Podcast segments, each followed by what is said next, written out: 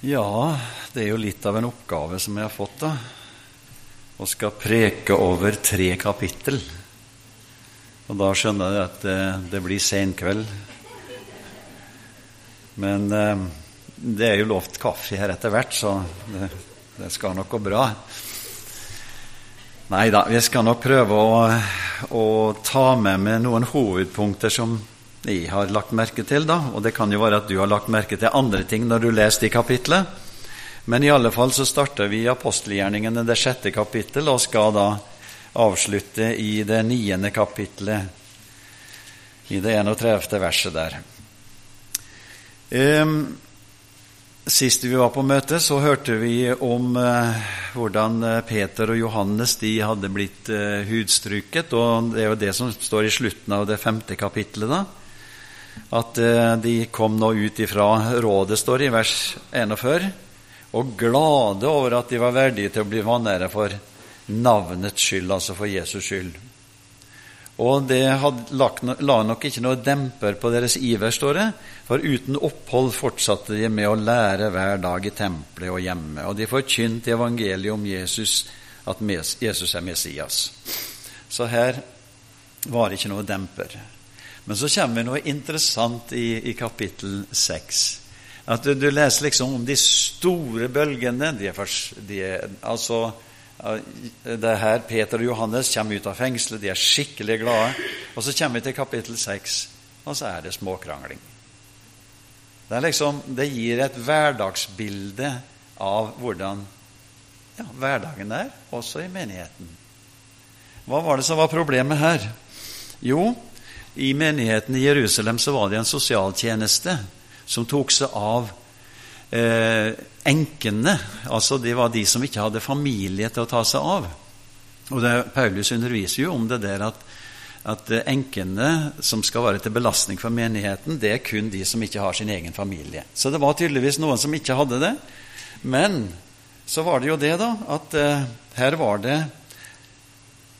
Står det her gresktalende jøder og hebraisktalende. Altså det var Det hadde litt forskjellig eh, geografisk bakgrunn, men det var jøder. Og det var jo det at eh, de, eh, de gresktalende de snakka om at enkene deres de fikk ikke den oppvartning som de skulle ha. De ble tilsidesatt, står det. Og dette ble et problem. Og det, Når vi leser gjennom det, så ser vi at det var jo apostlene som styra med utdelingen av mat, og de styrer med å holde i orden på menigheten i det store og det hele. Og nå syntes jeg at dette ble for mye. At uh, vi må prøve å konsentrere oss om å forkynne Guds ord og holde ved i bønnen. Så det må bli noen andre som kan gå inn i den oppgaven der og, og um, sørge for det praktiske med matutdeling og slike ting. Og da er det vi kommer opp i det der at uh, det er sju stykker som blir valgt.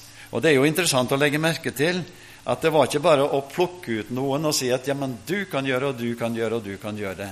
Men det står at menigheten de kom sammen, og så valgte de noen.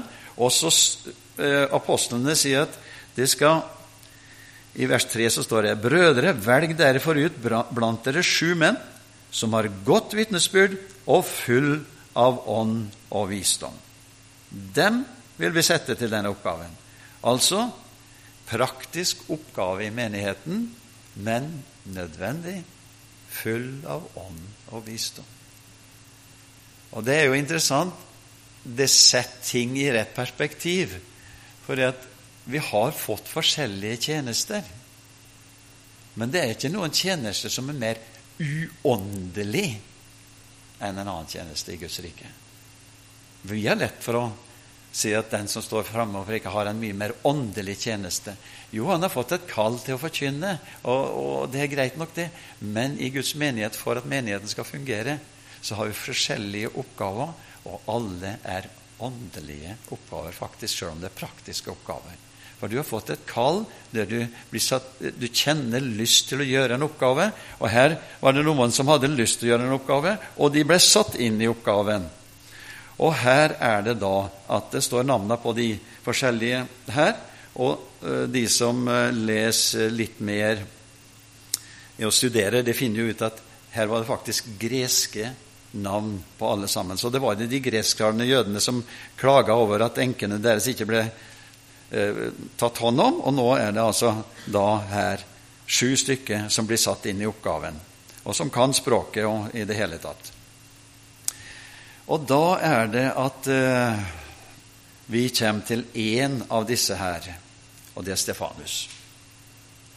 Og det står her at eh, ja, I vers 7 så står det at Guds ord hadde framgang, og tallet på disipler i Jerusalem økte sterk, og en stor flokk av prestene ble lydige mot troen. Og så står det om Stefanus. Stefanus var full av nåde og kraft, og han gjorde under og store tegn blant folket. Altså, han fikk i oppgave å dele ut mat, men han hadde fått en utrustning gjennom Den hellige ånd. Og du kan si at Det er jo det som vi leser om apostelgjerningen, er jo boken om Den hellige ånd, og hvordan Den hellige ånd utruster personer til forskjellige tjenester og oppgaver. Og Det må være en inspirasjon for oss også, at her er det mer å hente. Her kan vi få oppleve mer, alle sammen. Jo da, Stefanus var full av nåde og kraft, han gjorde under og store ting blant folket, står det. Og så er det jo da at når han forkynner evangeliet klart og tydelig, så er det noen som ikke aksepterer det der. Og da leser vi om de som kom fra de forskjellige synagogene der, og de begynner da å gå i ordskifte, står det, med Stefanus. Men de klarte ikke å stå seg imot den visdom og den ånd som Stefanus hadde. Og det er jo der vi trenger hjelp, vi også. Vi trenger denne der Hellige Ånds kraft og visdom når vi skal nå ut og nå djupere inn hos folk. I alle fall så blir det her eh, tydeligvis for mye for disse her, og de eh, avtaler eh, seg imellom eh, at de skulle prøve å få satt en stopper for Stefanus. Og så sender de ut falske rykter. Og de første de sier, at eh, vi har hørt han tale spottende ord mot Moses og mot Gud. Det står i vers 11. Det står de, de avtalte da i hemmelighet med noen menn som skulle si vi har hørt ham tale spottende. Også på den måten der så hissa det opp folket, og det hissa opp de som var ledere i, folket. Og dermed så så ble han til, eh, da Stefanus tatt fram for rådet. Og det er da vi får den spesielle talen til Stefanus. Og Det står jo det at i vers 15 alle som satt i rådet, stirret på ham, og de så på hans ansikt. Det var som en engels ansikt. Var, hva, hva gir det igjen et uttrykk for? Jo, det var at Herren var med Stefanus han hadde fått kraft til å stå midt oppi denne der situasjonen som en står oppi. Og det er jo det som Jesus sier, at dere skal få ord. Dere skal ikke være redde for når dere står opp i en situasjon, men dere skal bli gitt dere i samme stund hva dere skal si. Og det opplevde Stefanus. Så han eh, da holder jo en fenomenal tale. Han går jo gjennom hele Det gamle testamentet, og her kan vi bruke mange timer på å gå inn i det som han eh, nevner. Men det skal vi ikke gjøre. Men i alle fall Det som går, som går igjen her, og som eh, vi får et inntrykk av, det er jo det som kommer igjen på slutten av det Stefanus sier. Og det er faktisk i slutten av kapittel 7. Og det 51. verset så sier Stefanus det rett ut til de som argumenterer mot den. Dere stivnakker og uomskårne på hjerter og ører, dere står alltid Den hellige ånd imot. Som deres fedre, så også dere. Og Det er det han tar fram når han går igjennom det hele Det gamle testamentet. Han snakker om fedrene, altså jødefolket, som ble leda av Gud på forskjellige måter. Gud tok seg ut personer som skulle lede dem, men folket i sin helhet de vendte veldig fort tilbake til sine egne skal si, hedenske tradisjoner og ville ikke følge Gud.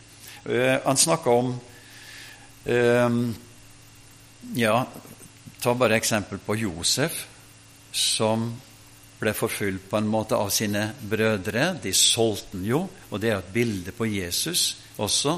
Josef ble jo en redningsmann.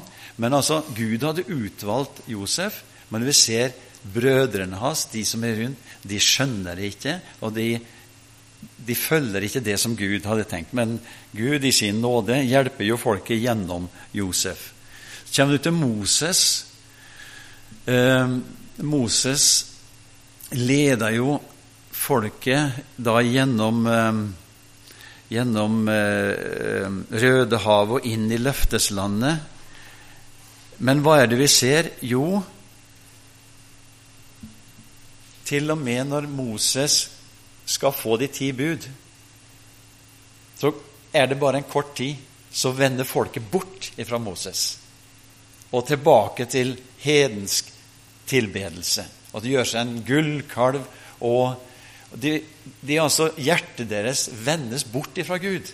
Og det er det eh, eh, Det er det um, Stefanus tar tak i. Um, og i beretningen om Moses så står det jo at Moses, når han var 40 år, så gikk han ut og så til sine brødre. Og så står det at han tenkte at de ville skjønne at Gud hadde kalt den til å hjelpe dem. Men hva er det som skjer i denne slåsskampen mellom de to jødene som Moses da prøvde å, å skille fra hverandre? Og så sier han, 'Hvem har satt deg til herre over oss?' Altså, de skjøv Moses bort. De ville ikke ha han som leder. Og det tar da Stefanus tak i og sier at dere vil aldri Dere har alltid vist at de vil ikke ha Gud som leder. Den, den som Gud velger ut, det, den vil ikke dere følge. Og så, når de går gjennom eh, ørkenen også, så får, jo, så får, jo, Moses beskjed om å lage tabernaklet og, og, og, og hvordan gudstjenesten skulle være. Men når vi leser gjennom her det som Stefanus sier, så sier han at ja, men samtidig så hadde dere deres egne guder og tilba andre guder enn når Gud hadde satt klart og tydelig hvordan de skulle tilbe. Altså, På grunn av det der så gikk det jo 40 år før de kunne komme inn i dit som Gud hadde tenkt også, fordi at de fulgte ikke Guds vei. Og Det er det eh, Stefanus tar tak i, og han sier det at um, i um, da kapittel 7 så sier han i vers 52.: Hvem av profetene ble ikke forfulgt av deres fedre? De drepte dem som forut forkynte at den rettferdige skulle komme, ham som dere nå har forrådt og myrdet. Altså, han snakka om jødefolket. De, når Gud sendte profeter, så tok de ikke imot dem. Det var noen få som hørte på dem, men hele folket de vendte seg bort. Og da er det at uh, Stefanus sier at ja, på samme måte som dere drepte profetene, så har dere nå også drept han som Gud sendte, som skulle være frelser. Og det var nettopp Jesus. Så dere har gjort akkurat det samme som deres fedre gjorde. Dere er ikke på noen måte likere enn deres fedre. Og dette ble for mye for de som hørte på. Og da er det at uh, det står i vers 54.: Men da de hørte dette, stakk det dem i hjertet, og de skar tenner mot ham. Men så står det om, om Stefanus sjøl. Men han var fylt av Den hellige ånd og rettet blikket opp mot himmelen. Og så kommer det Han så Guds herlighet og Jesus stå ved Guds høyre hånd. Jeg snakka med en Anton en gang. Han sa at står det noen sted sånn at Jesus sto ved Guds høyre hånd? Jo, sa jeg, det står. Og, og det som eh, vi kan trekke som slutning ut av det, det er jo det at Jesus sto der for å ta imot den første martyr. Og den som dør for Jesu navns skyld, han har, kan du si, en stor respekt i himmelen. Så til og med Jesus reiser seg i respekt og tar imot. Så det er, det er det største, og det var jo det Jesus gjorde også. Det er, det er, ingen kjærlighet som er større enn den at han gir sitt liv for sine venner. Og Det var det Jesus gjorde, og det var det eh, Stefanus gjorde også. Han ga livet sitt for Jesus og for, for budskapet om frelsen i Kristus. Så han får se inn i himmelen, han får en spesiell åpenbaring, han får kraft til å stå i den situasjonen han står i. Og så er det jo til at dette blir da så mye for, de som, som er der.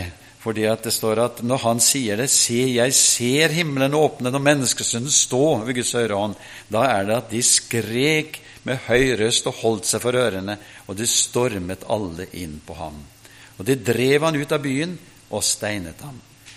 Vitnene la klærne av seg ved føttene til en ung mann som heter Saulus. Jeg stoppa litt for det der vitnene. Og Jeg har tenkt alltid på det at ja, de som steina eh, Stefanus, ja, de la klærne sine ved, ved Paulus. Men det står vitnene. Og da må det bety noe spesielt. Og så er det henvist til femte Mosebok 17,7. Og vi kan i grunn ta oss litt tid til å lese det. Femte Mosebok 17,7.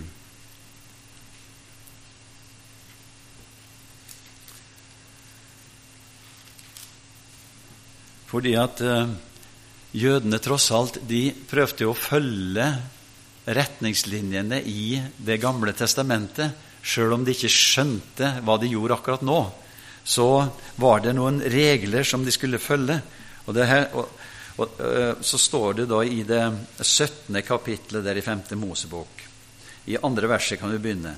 Dersom det finnes hos deg i en av byene som Herren din Gud gir deg, en mann eller en kvinne som gjør det som ondt i Herrens din Guds øyne, så han bryter hans pakt, og han mot min bud går bort og dyrker andre guder og tilber dem, eller solen eller månen eller hele himmelens hær, og dette blir meldt deg, og du får høre om det, da skal du granske saken nøye. Er det da sannhet? Er det sikkert og visst at denne avskyelige gjerningen er gjort i Israel? Da skal du føre den mannen eller den kvinnen som har gjort denne onde gjerningen, ut til byens port, og enten det er en mann eller en kvinne, skal du steine dem så de dør. Og så kommer det etter to eller tre vitners utsagn skal dødsdommen bli fullbyrdet. Ingen skal dø bare etter ett vitners utsagn. Og så står det i vers 7.: Vitnene skal først løfte hånden for å avlive ham, dernest hele folket. Slik skal du utrydde det onde hos dere. Ja. Jo, de fulgte det her, men hva var feilen? falske vitner. Og det er det det står. De fant fram falske vitner, og de vitna imot Stefanus falskt, men de fulgte regelen her. Det var altså først tre vitner som måtte til for at det kunne steine noen. Og så er det at de vitnene, står det her, de la klærne sine hos Saulus. Og her er det han kommer inn i bildet.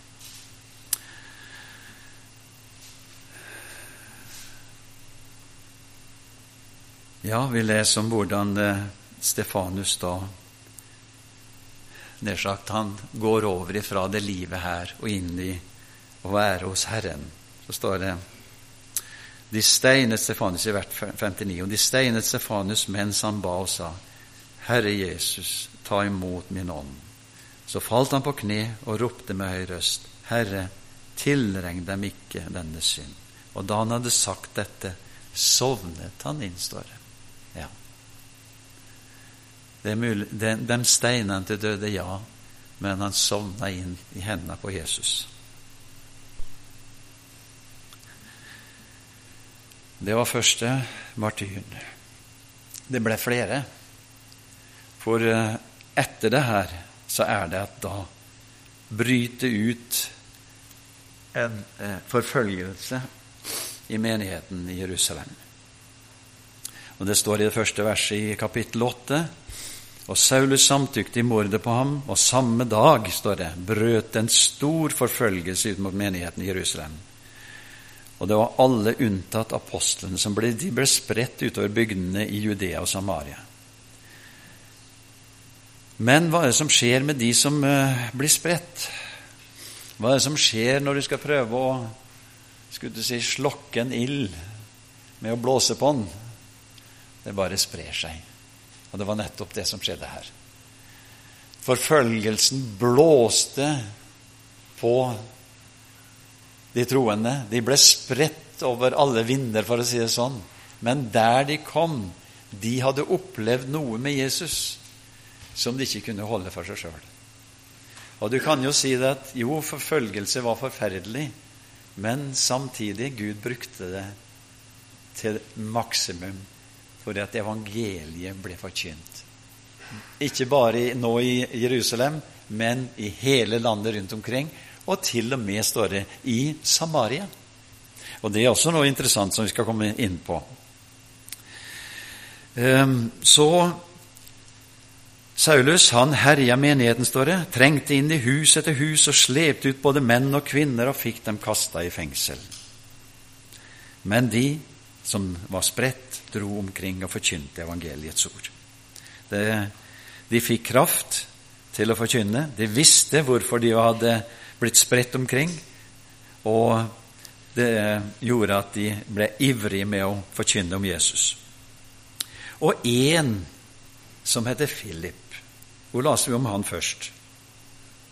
Jo, vi leser om han som er blant de sju som blir valgt inn til å, å hjelpe til med å dele ut mat.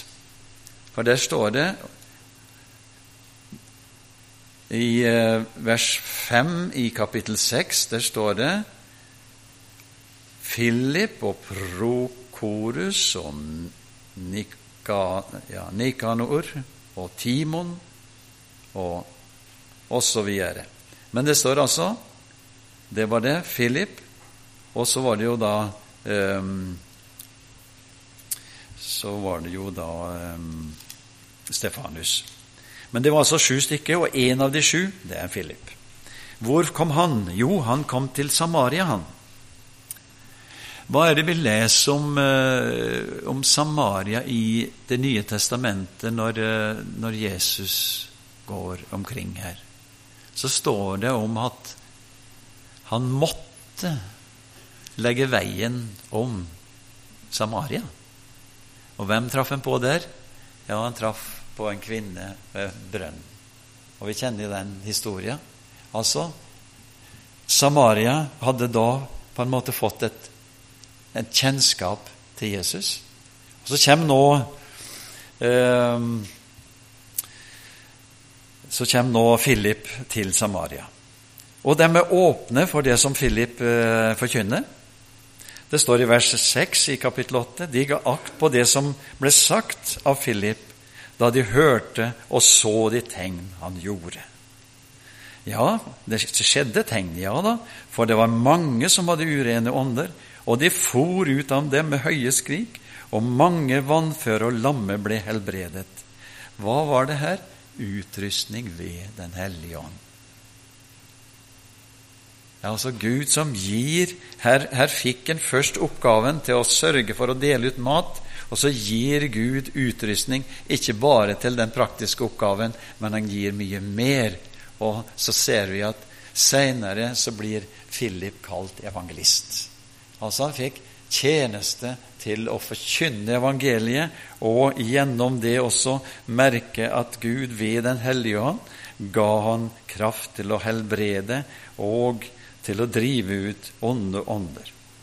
Ja da, og det ble stor glede i byen, står det.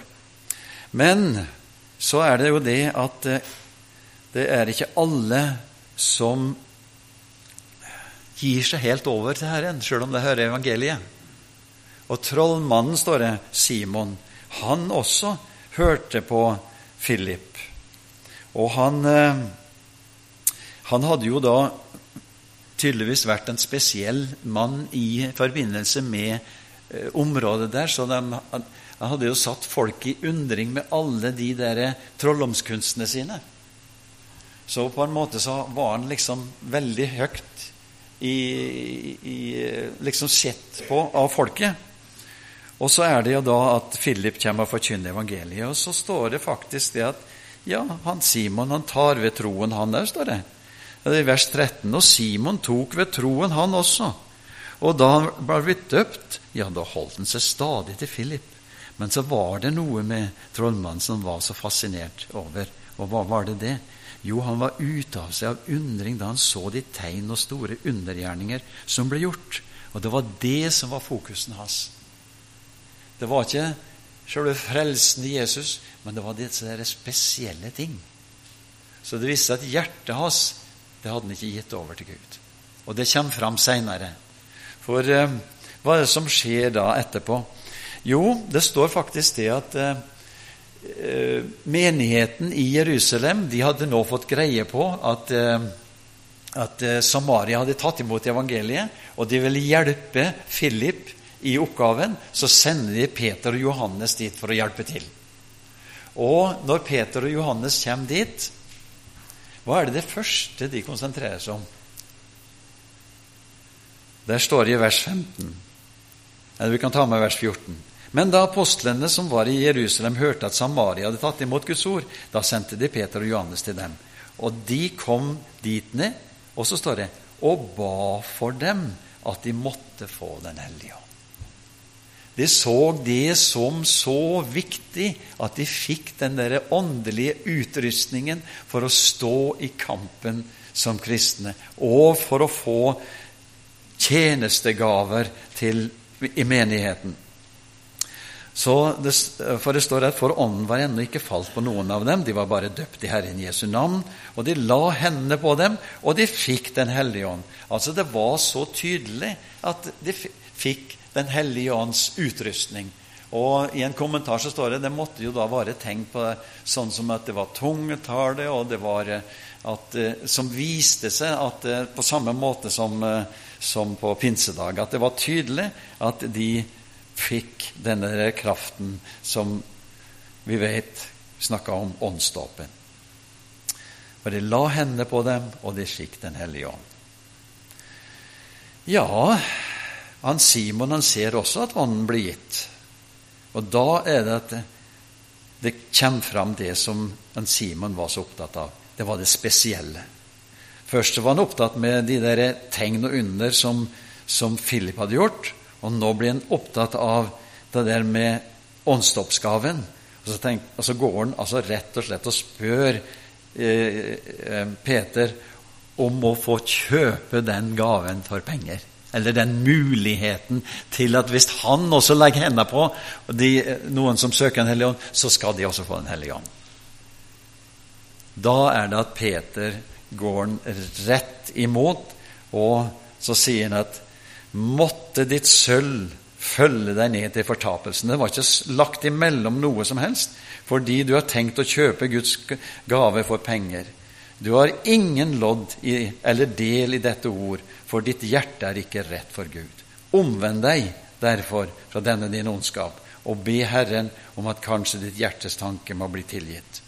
Og da er det at Simon til slutt ber. Be til Herren for meg, for at ikke noe av det dere har sagt, må komme over meg. Så det var nødvendig for eh, for eh, Philip å få hjelp. For han var evangelist, han forkynte, og de tok imot. Men det var andre som kom inn og hjalp til å kan du si, grunnfeste de troende, slik at de kunne skjelne mellom det som var rett og galt. Og Her kommer altså Peter og Johannes inn. Og så drar de igjen tilbake til eh, Jerusalem, og da er det at eh, Philip får et nytt oppdrag, han. Ja, hva er det han får i oppdrag, da? Jo, han blir bedt om å dra ifra vekkelsen. Han står midt oppi vekkelse, folk tar imot, men så får han et spesielt oppdrag. Du, Philip, bryt opp. Hva, hva, hva, forteller det oss? Jo, det forteller oss om noen som er lydhør mot Den hellige ånd. Og Han kunne jo argumentere og si at ja, men det trengs her. Her, her tar jo folk i hopetall mot evangeliet. Jeg kan ikke gå herifra. Nei, han var lydhør mot Den hellige ånd. Han kunne skille mellom sine egne tanker og Guds tanker. Så det står at med den Herrens engel talte til Philip og sa:" Bryt opp, dra bort mot sør, på den veien som går ned til Jerusalem. Og så står det i vers 27 Philip brøt opp og dro av sted. Rett og slett. Og så er det at han møter den etiopiske hoffmann, som da har vært i Jerusalem og tilbedt. Han har nok tatt ved jødenes tro, men så er det at han er veldig søkende, og han leser mye i Skriften, og er kommet til profeten Esaias i, i, eh, i Det gamle testamentet der, og lurer på hva er det jeg leser. Er det om seg sjøl han profeten snakker om, eller er det noen annen? Og I, der, i det momentet der så er det at i vers 29 så står det Da sa ånden til Philip Altså, det, det er direkte beskjed. Da sa ånden til Philip, gå dit bort, hold deg nær til vognen. Ok, hva står det da? Philip løp da bortil. Han gjorde som Den hellige ånd talte til oss indre, og så er det at han da hører hva han, han Hoffmann leser. Og så spør han eh, forstår du det du leser. Eh, Hoffmann jo, han hadde jo sikkert et stort følge med seg. og Jeg, jeg syns på en måte at det var litt rart at han fikk komme så nære vogna i det hele tatt. Ja. For at han hadde sikkert eh, soldater eller et eller annet som beskytta, men på en underlig måte så tillot Gud det at han kom så nære at han til og med hørte hva, hva eh, Hoffmann, eh, Hoffmann eh, las. Og så eh, er det jo da at når han kommer i dialog med, med Hoffmann, så, så um, så står det jo da i vers 31 og han ba Philip stige opp og sette seg sammen med han. Han kjente jo ikke Philip, men det var en sånn åndelig atmosfære. Og det kan du legge merke til når du er på rett plass til rett sted. Da er det åpenhet. Da har Gud ordna sånn at det er mottakelighet. Jeg husker, jeg har sagt det før, jeg kom til eh, Altså, jeg var i sivilarbeid, og så sykla jeg forbi en plass hjemme, og så var det som noe i mitt indre sa 'gå inn og snakke med vedkommende'. Og jeg bare skjøv det der ifra meg flere ganger. Men til slutt så tok jeg mot til meg, og så gikk jeg inn. og eh, det, Jeg tror ikke det var så mye jeg fikk sagt det før vedkommende sa det at Står det virkelig i Bibelen at hver den som påkaller Herrens navn, skal bli frelst? Der kom jeg i ferdiglagte gjerninger og kunne bare si ja, der står det. Der står det. Altså, han trengte bare en bekreftelse. Jeg trengte, trengte, ikke å komme med noen lang innledning om alt det som at de hadde følt det slik at de skulle komme inn og tenkte at de kunne snakke med deg og sånne ting. Nei, situasjonen var akkurat der. Han sa noe før jeg rakk å si noe.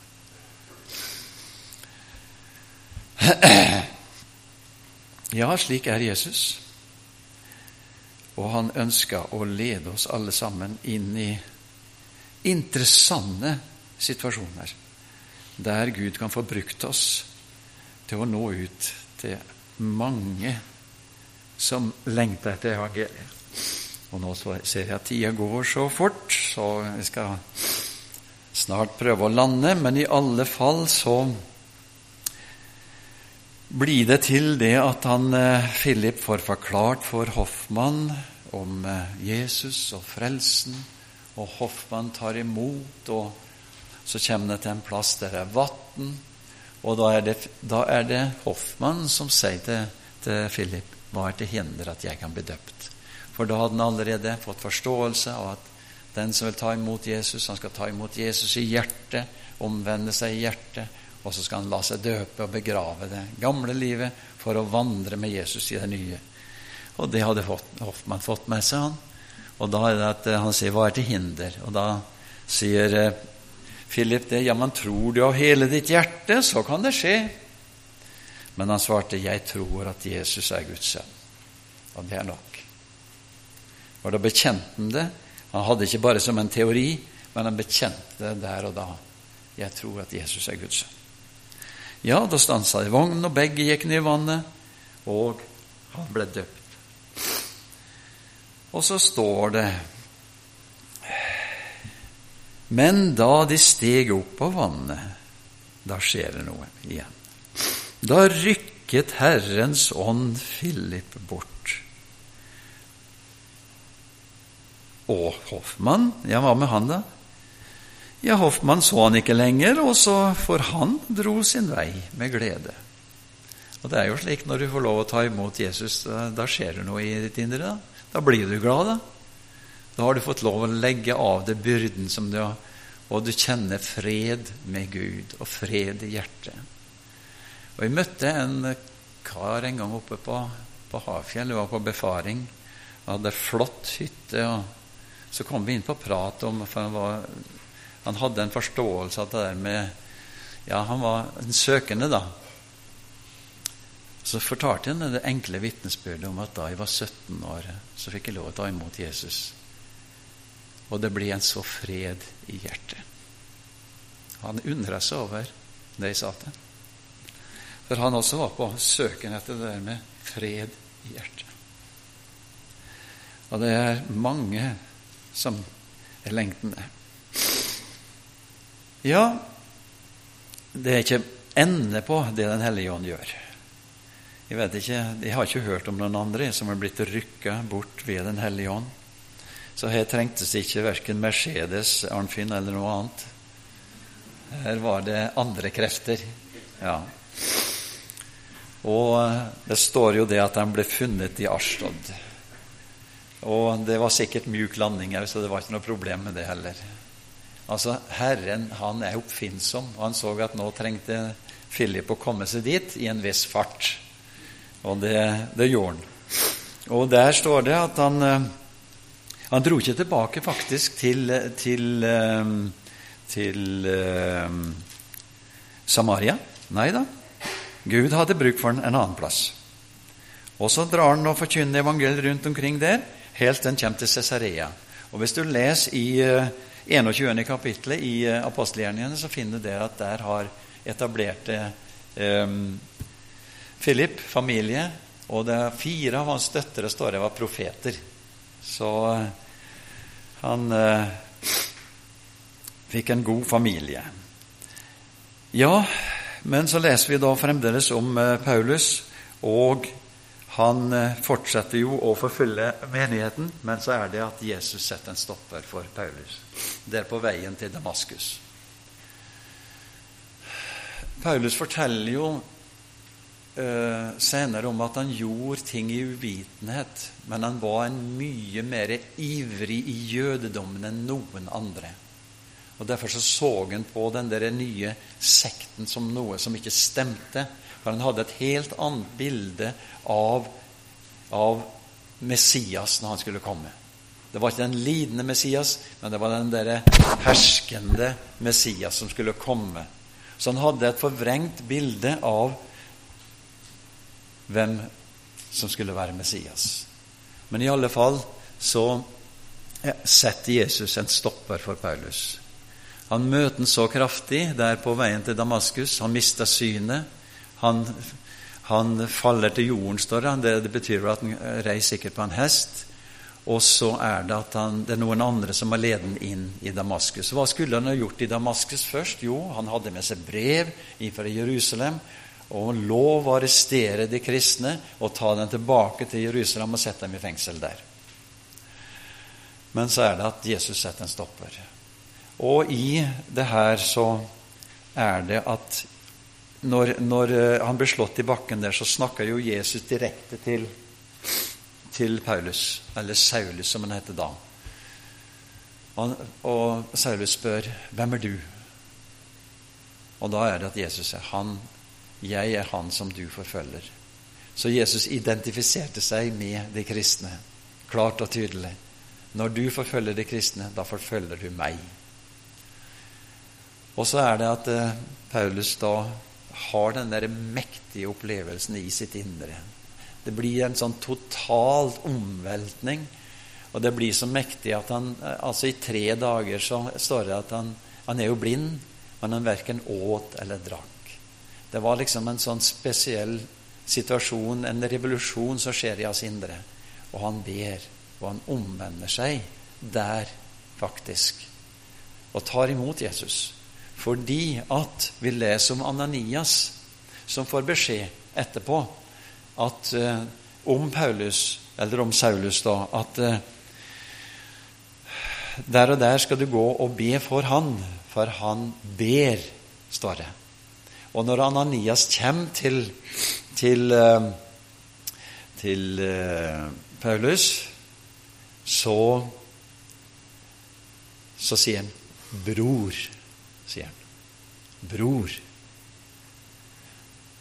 Og det, det, det, står jo her også at Paulus sjøl, eller Saulus De blanda sammen disse der, men det spiller ingen rolle, for han fikk navnet Paulus etterpå.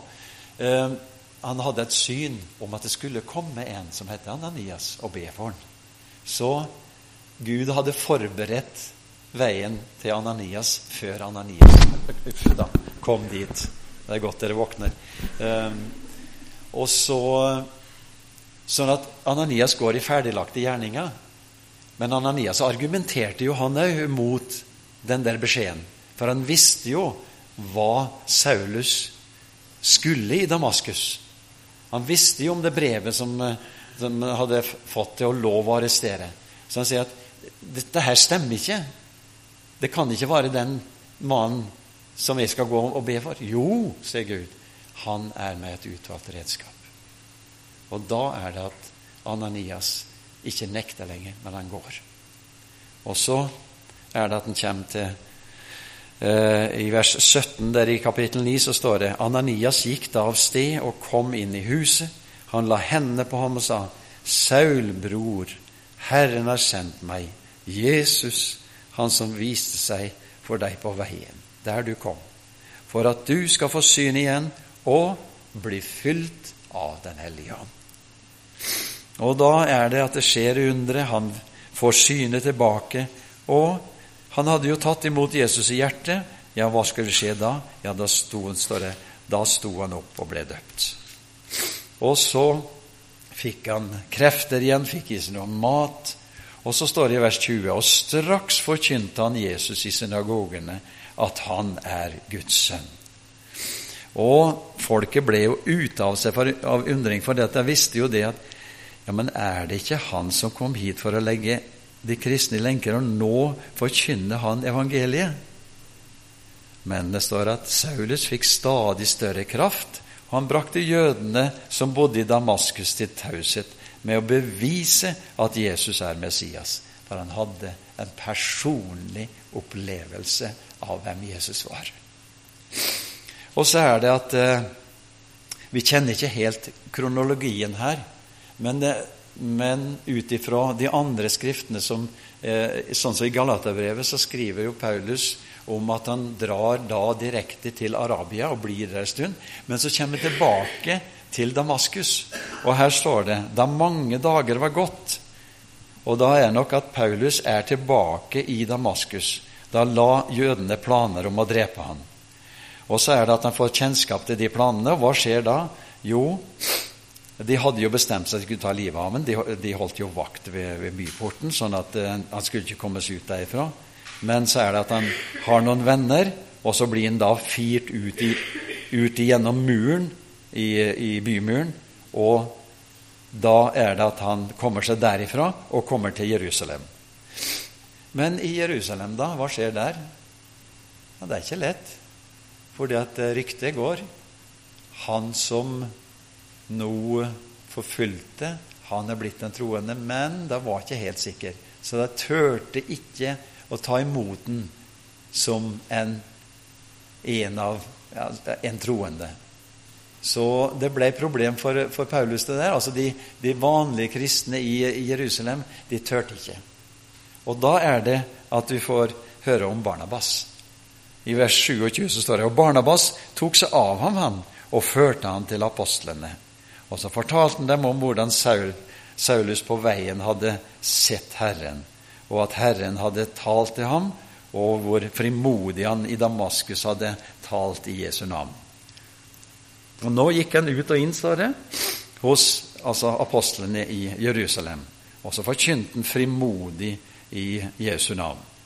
Men du vet at eh, Paulus han eh, går på, han, og da resulterer det at de vil ta livet av ham der òg.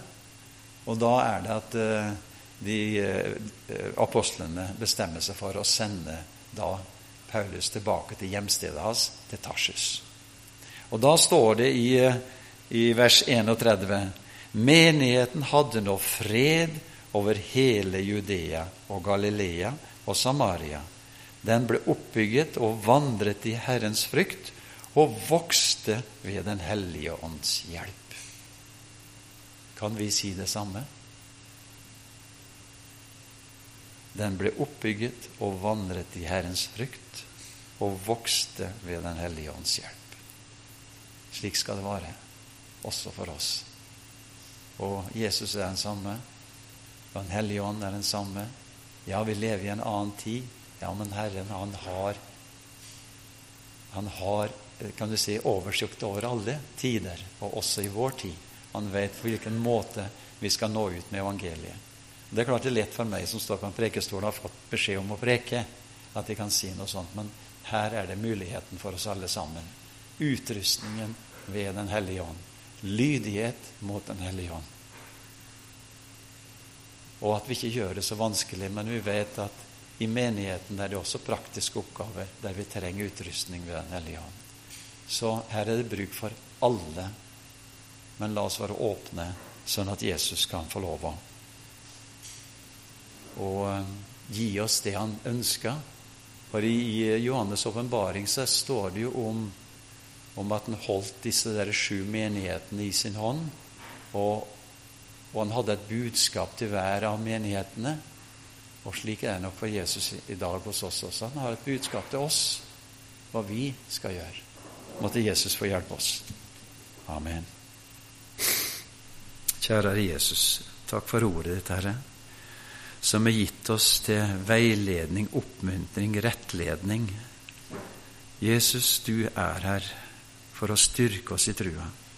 Slik som du hjalp de første kristne, slik er jo også i dag og kan hjelpe oss, Herre. Hjelp oss å søke deg, og som Paulus sier, er vi oppreist med Kristus, da søk det som er her oppe. Hjelp oss til å gjøre det, Jesus. Amen.